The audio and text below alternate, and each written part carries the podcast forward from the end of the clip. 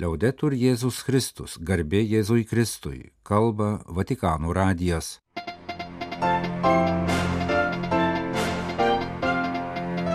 Malonus klausytojai šioje penktadienio, birželio 9 programoje popiežius Pranciškus po operacijos ilsisi ir atgauna jėgas. Valstybės sekretorius pagerbė Šventojios Teresės iš Lizie relikvijas - devintinės Jeruzalėje ir Vienoje. Ortodoksų ir katalikų teologų susitikimas Aleksandrijoje. Ataka ant Si vaikų žaidimo aikštelėje Prancūzijoje. Nigerijoje palaidotas nužudytas kunigas. Italijoje apdovanoti ekologinės parapijos projektai.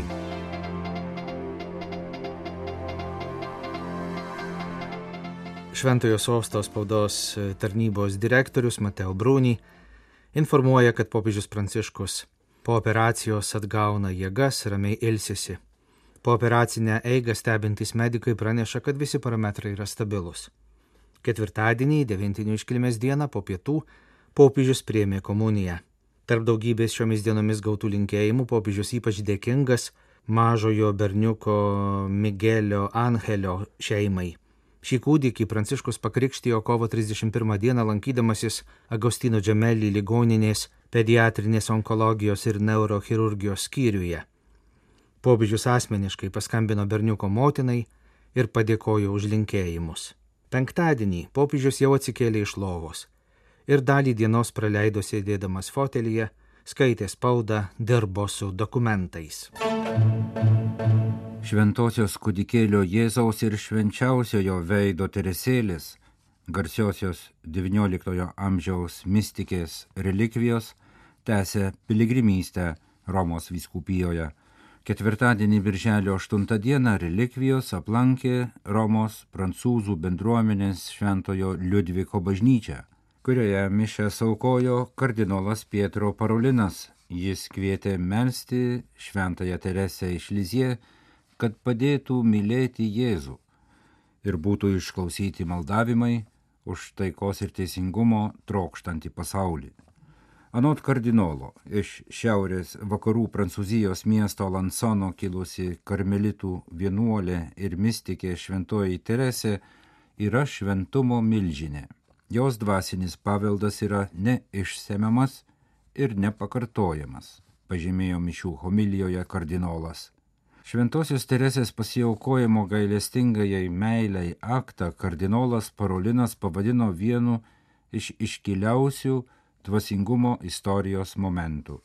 Šiandien šventoji Teresėlė labiau nei bet kada visus mus kviečia pasitikėti, kad jos patirtą ryšį su Jėzumi gali išgyventi visi. Mirties patale atsisveikindama su žemiškojų gyvenimu, 24 metų mystikė, įsitikinusi, kad jos sužadėtinis Jėzus amžinai gyvas, išpažino, kad nemiršta, o eina gyventi. Šventoji autobiografinėme pasakojime vienos sielos istorija atskleidė savo mistinių patirčių ištakas ir jos vidinėme gyvenime atsiskleidusi meilės kelią, kurį pavadino mažuoju keliu. Anot kardinolo Parolino, Vatikano valstybės sekretoriaus, mažasis kelias, kurį jauna karmelitų vienuolė siūlo visiems mums, yra mažasis ta prasme, kad kviečia pripažinti sielą kaip silpną ir pažeidžiamą, tačiau kartu stiprią Dievo galios dėka.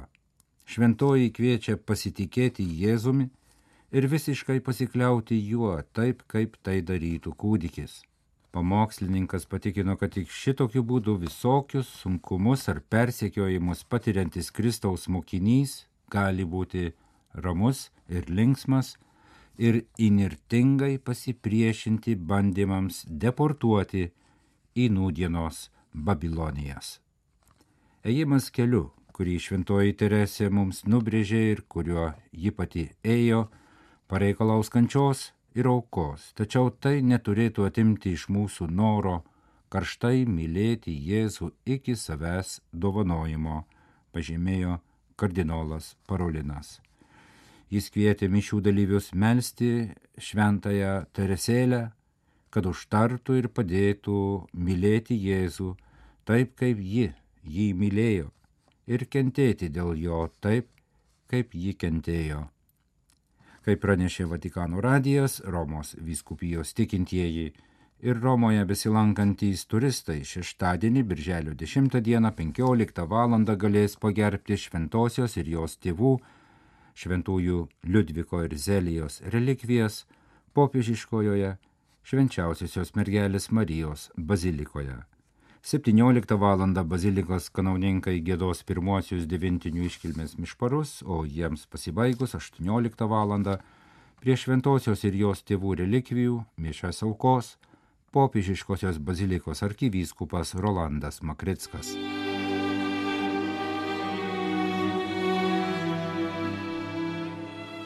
Šventosios žemės Lotynų apieigų katalikai ketvirtadienį šventė Kristaus kūno ir kraujo iškilmę mišiomis Šventojo kapo bazilikoje ir procesiją aplink kapą.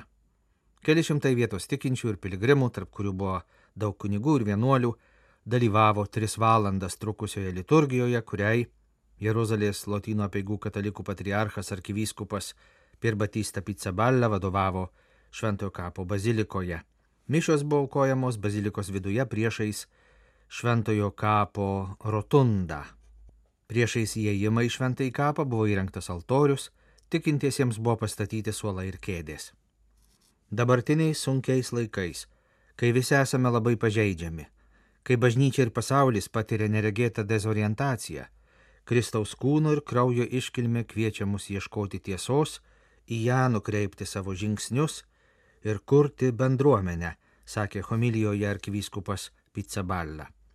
Po mišių procesija su švenčiausiojo sakramentu tris kartus apėjo viešpaties kapą. Prieš ketvirtadienio devintinių iškilmės trečiadienio vakarą Šventojo kapo bazilikoje vyko Vigilijos liturgija su mišparais ir procesija bei pranciškonų vadovaujamas naktinis būdėjimas. Šventojoje žemėje Kristaus kūno ir kraujo iškilmė švenčiama du kartus. Šventojo kapo bazilikoje ketvirtadienį, o pranciškonų vienuolyne prie paskutinės vakarienės menės sekmadienį. Sekmadienio devintinių iškilmėms paprastai vadovauja Šventojios žemės pranciškonų kustodijos vadovas.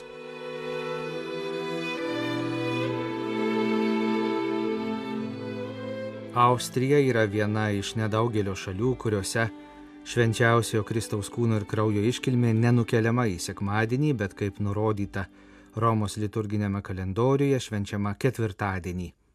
Iškilmės mišioms ir eucharistiniai procesijai Austrijos sostinės gatvėmis vadovavo vienos arkivyskupas kardinolas Kristofas Šönburnas. Devintinių išvakarėse kardinolas savo Twitterio paskyroje pasidalijo trumpu pamastymu apie šios iškilmės prasme. Visoje Austrijoje, beveik visuose miestuose ir miesteliuose rengiamos devintinių procesijos, dažnai susijusios ir su senomis liaudies pamaldumo tradicijomis. Tačiau ar tai, ką darome visoje šalyje, yra daugiau nei folkloras. Kasmet vienos gatvėmis einančią Eucharistinę procesiją stebi daugybė turistų ir atsitiktinių praeivių. Jie su smalsumu žiūri į šį renginį, kuris daugeliu atrodo visiškai nesuprantamas ir keistas. Kart kartėmis kas nors persižegnoja ar netgi atsiklaupia prieš švenčiausiai sakramentą. O ką galima pasakyti apie mus, kurie einame procesijoje, melžiamės, gėdame? Ar nesijaučiame svetimi tarp daugybės žmonių, kurie dažniausiai žiūri, nesuprasdami arba tiesiog praeina pro šalį? Turiu prisipažinti, rašo kardinolas, kad mane patį apima keistas jausmas, kai einu neždamas monstranciją. Ar tai nėra pasenusi tradicija? Kas supranta, ką mes darome? ar tai atitinka mūsų laikus. Ir tada, pridurė kardinolas, aš paprasčiausiai prašau Jėzaus. Palaimink visus žmonės, paguosk juos, sustiprink juos, būk su jais. Taip, Kristaus kūno ir kraujo iškilmė iš tiesų yra daugiau nei tik folkloras. Jūs klausotės Vatikano radio žinių laidos. Krikščionių vienybės dikasterija, kuriai vadovauja kardinolas Kurtas Kochas, paskelbė komunikatą apie ką tik pasibaigusią bendros Romos katalikų bažnyčios ir ortodoksų bažnyčios teologinio dialogo komisijos plenarinę sesiją, įvykusią istorinėme Egipto mieste Aleksandrijoje. Birželio 1-7 dienomis vykusi susitikimą globojo vieno iš senųjų patriarchatų - Aleksandrijos graikų ortodoksų patriarchato galva Teodoras II. Pasirašytas bendras dokumentas apie sinodiškumą ir pirmumą antrame tūkstantmetyje ir šiandien. Stebintys ortodoksų ir katalikų santykius žino, kad šis klausimas yra iš tiesų kertinis. Nors sutariama, kad sinodiškumas ir pirmumas yra esminiai bažnyčios gyvenime, bet istorinės pirmumo formos, kompetencijos bei sampratos tapo vienu iš didžiausių nesutarimų tarp ortodoksų ir katalikų slengščių, skiriančių jų bendruomenės jau tūkstantį metų. Šį birželį pasirašytas bendras dokumentas jo nepašalino, bet stengiasi pateikti bendrą žvilgsnį į istoriją. O tai jau svarbus žingsnis pirmin vienas kito supratime, susitaikime, kartu einant link vienybės. Komunikate primenama, kad šį išsamei apmastytą ir aptartą žingsnį parengė keliarių paskutinių metų susitikimai. Nurodoma, kad bendros teologinės katalikų ir ortodoksų komisijos susitikime dalyvavo 22 ortodoksų atstovai ir 18 katalikų atstovų - ganytojai, dvasininkai, pasauliečiai. Ortodoksų delegacijos atstovavo dešimčiai ortodoksų bažnyčių. Maskvos patriarchato atstovų tarp jų nebuvo.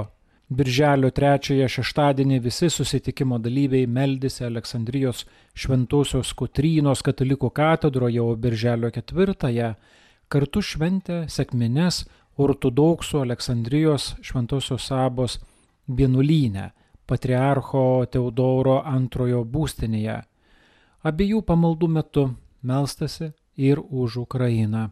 Teologinės komisijos nariai aplankė istoriją garsėjančio Aleksandrijos miesto monumentus, susitiko su įvairiomis vietinėmis ortodoksų ir katalikų bendruomenėmis, susitarė diskusijas pratesti ateinančiais metais.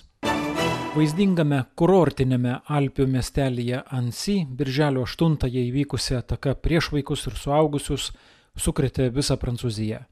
Ansi vyskupas Yvulio Su pakvietė specialiai maldai už aukas Ansi katedroje. Apie ketinimą atvykti į Ansi pranešė ir prancūzijos prezidentas. Apvaizda lėmė, kad nuo dar didesnės nelaimės apsaugojo į ilgą kelią išsirengęs prancūzų piligrimas. Kaip pasakoja prancūzijos spauda, remdamas ir filmuota medžiaga, ketvirtadienio ryte Ansi vaikų žaidimo aikštelėje 31 metų amžiaus vyras su peiliu pradėjo puldinėti vaikus ir ten buvusius suaugusius, kurie stengiasi juos apginti, sunkiai sužeisti. Du dviejų ir trijų metų amžiaus vaikai prancūzai, taip pat dar du panašaus amžiaus vaikai Olandas ir Britas, kurių šeimos į Ansi atvyko atostogoms. Sužeisti du suaugę, vienas peiliu, o kitas policininko kulkos, tramdant užpoliką. Penktadienį pranešta, kad du vaikus pavyko stabilizuoti, dėl kitų dviejų gyvybės kovojama. Užpolikas buvo sulaikytas nusikaltimo vietoje. Tai 2011 metais iš Sirijos išvykęs pabėgėlis, prisiglaudė Švedijoje, kur buvo sukūrę šeimą, sulaukė vaiko, vėliau išsiskyrė, o Švedija atsisakius jam suteikti pilietybę praėjusiais metais atvyko į Prancūziją, kur pateikė naują politinio prieglopšio prašymą, paminėdamas tarp kitko, kad yra sirų krikščionis. Birželio pradžioje pranešta, kad jo prašymas atmestas. Iki šiol savo biografijoje vyras neturėjo jokių dėmių. Jo vardas teisės saugai ir kitoms tarnyboms nebuvo žinomas. Jo poilgio motyvai sunkiai suprantami, terorizmo motyvas kol kas netrodo įtikinamas, jam paskirta psichologinė ekspertizė. Žiniasklaidos priemonėse ir socialiniuose tinkluose pasirodžiusioje išmaniojo telefonu filmuotoje medžiagoje matyti, kad siautėjantį su peiliu vyrą vaikosi ar stabdo kitas jaunas žmogus su kuprine, kuris nebejotinai sutrukdė jam padaryti dar daugiau žalos. Netrukus paaiškėjo, kad tai 24 metų amžiaus studentas Henry, kuriam katalikiška interneto svetainė Letėja kovo mėnesį skyrė straipsnį. Jaunuolis pristatė savo projektą pešiomis, per devynis mėnesius aplankyti įstabiausias Prancūzijos katedras ir abatijas. Per du su pusę mėnesio jau įveikęs didelę dalį suplanuoto maršruto, kurį dokumentuoja socialiniuose tinkluose, Birželio 8 dienos rytą jaunuolis lemtingai atsidūrė prie vaikų žaidimo aikštelės, kuri vyko minėtoji drama. Birželio 9 dieną Nigerijos Edo valstijos sostinėje Benine atsisveikinta su mažiau nei prieš metus kunigystės šventimus gavusiu Čarlesu Onom Huale Igeki. Jaunas kunigas buvo nušautas Birželio 7-ąją grįždamas iš vienos silovadinės užduoties. Benino arkivyskupas Augustinas Obiora Akubezė sakė, buvęs ištiktas didelio šoko ir išreiškė didelį gailestį dėl šio nusikaltimo, tikėdamasis, kad policija nustatys kaltininkus. Deja, mirtini užpolimai pakelėse, kaip ir dvasininkų pagrubimai, nėra naujiena ar išskirtinis įvykis Nigerijoje – kaip byloja vos kelių paskutinių savaičių statistika. Tik prieš kelias dienas, birželio antrąją, buvo pagrobtas ir išlaisvintas Nevi viskupijos kunigas Stanislaus Bamara. Gegužės mėnesį buvo pagrobti ir išlaisvinti Overio arkiviskupijos kunigas Matijas Opara bei Okygbe viskupijos kunigas Judas Kingsley Maduka. Tai tik keli paskutiniai epizodai ilgame sąraše. Italijoje katalikiško veikimo judėjimas apdovanojo devynis projektus. Internetu vykęs konkursas judėjimo iniciatyva ieškant atsakymų. Kaip kasdienio gyvenimo ekologiją paversti naudingais sprendimais, kaip taupyti energiją, veiksmingai perdirbti ar utilizuoti atliekas, saugoti bendrus namus. Konkurso dėmesio centre - parapijos, jų vaidmuo socialinės sanglaudos skatinimui sekant encikliką Laudato Si bei socialinės savaitės 2021 metais vykusios Italijos mieste Tarante rezultatais, konkurso dėmesio centre ekologinės parapijos. Ne kaip ateities modeliai, tačiau kaip iššūkis, kurį reikia priimti šiandien, atsiliepiant į jungtinių tautų organizacijos keliamus aplinkosaugos tikslus.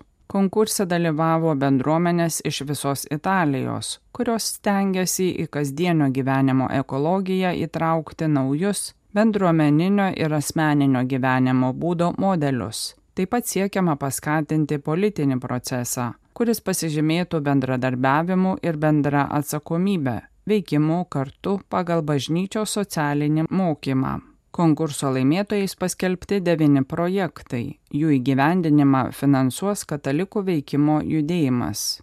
Nugalėtojų sąraše daugiausiai projektų iš pietų Italijos, Apulijos, Kalabrijos ir Kampanijos regionų. Parapijų bendruomenės ketina pasodinti medžių, supažindinti jaunus žmonės su atliekų tvarkymo būdais ir propaguoti tvarumo vertybės. O štai Toskanoje viena bendruomenė suteiks naują gyvenimą Karitas organizacijai su aukotai labdarai, kuri netinkama dalyti ir naudoti, paversdama medžiagas naujais produktais, kurie vėliau bus parduodami pasitelkiant elektroninę prekybą. Kalba Vatikanų radijas. Laidą lietuvių kalba baigėme. Garbė Jėzui Kristui, liaudetur Jėzus Kristus. thank you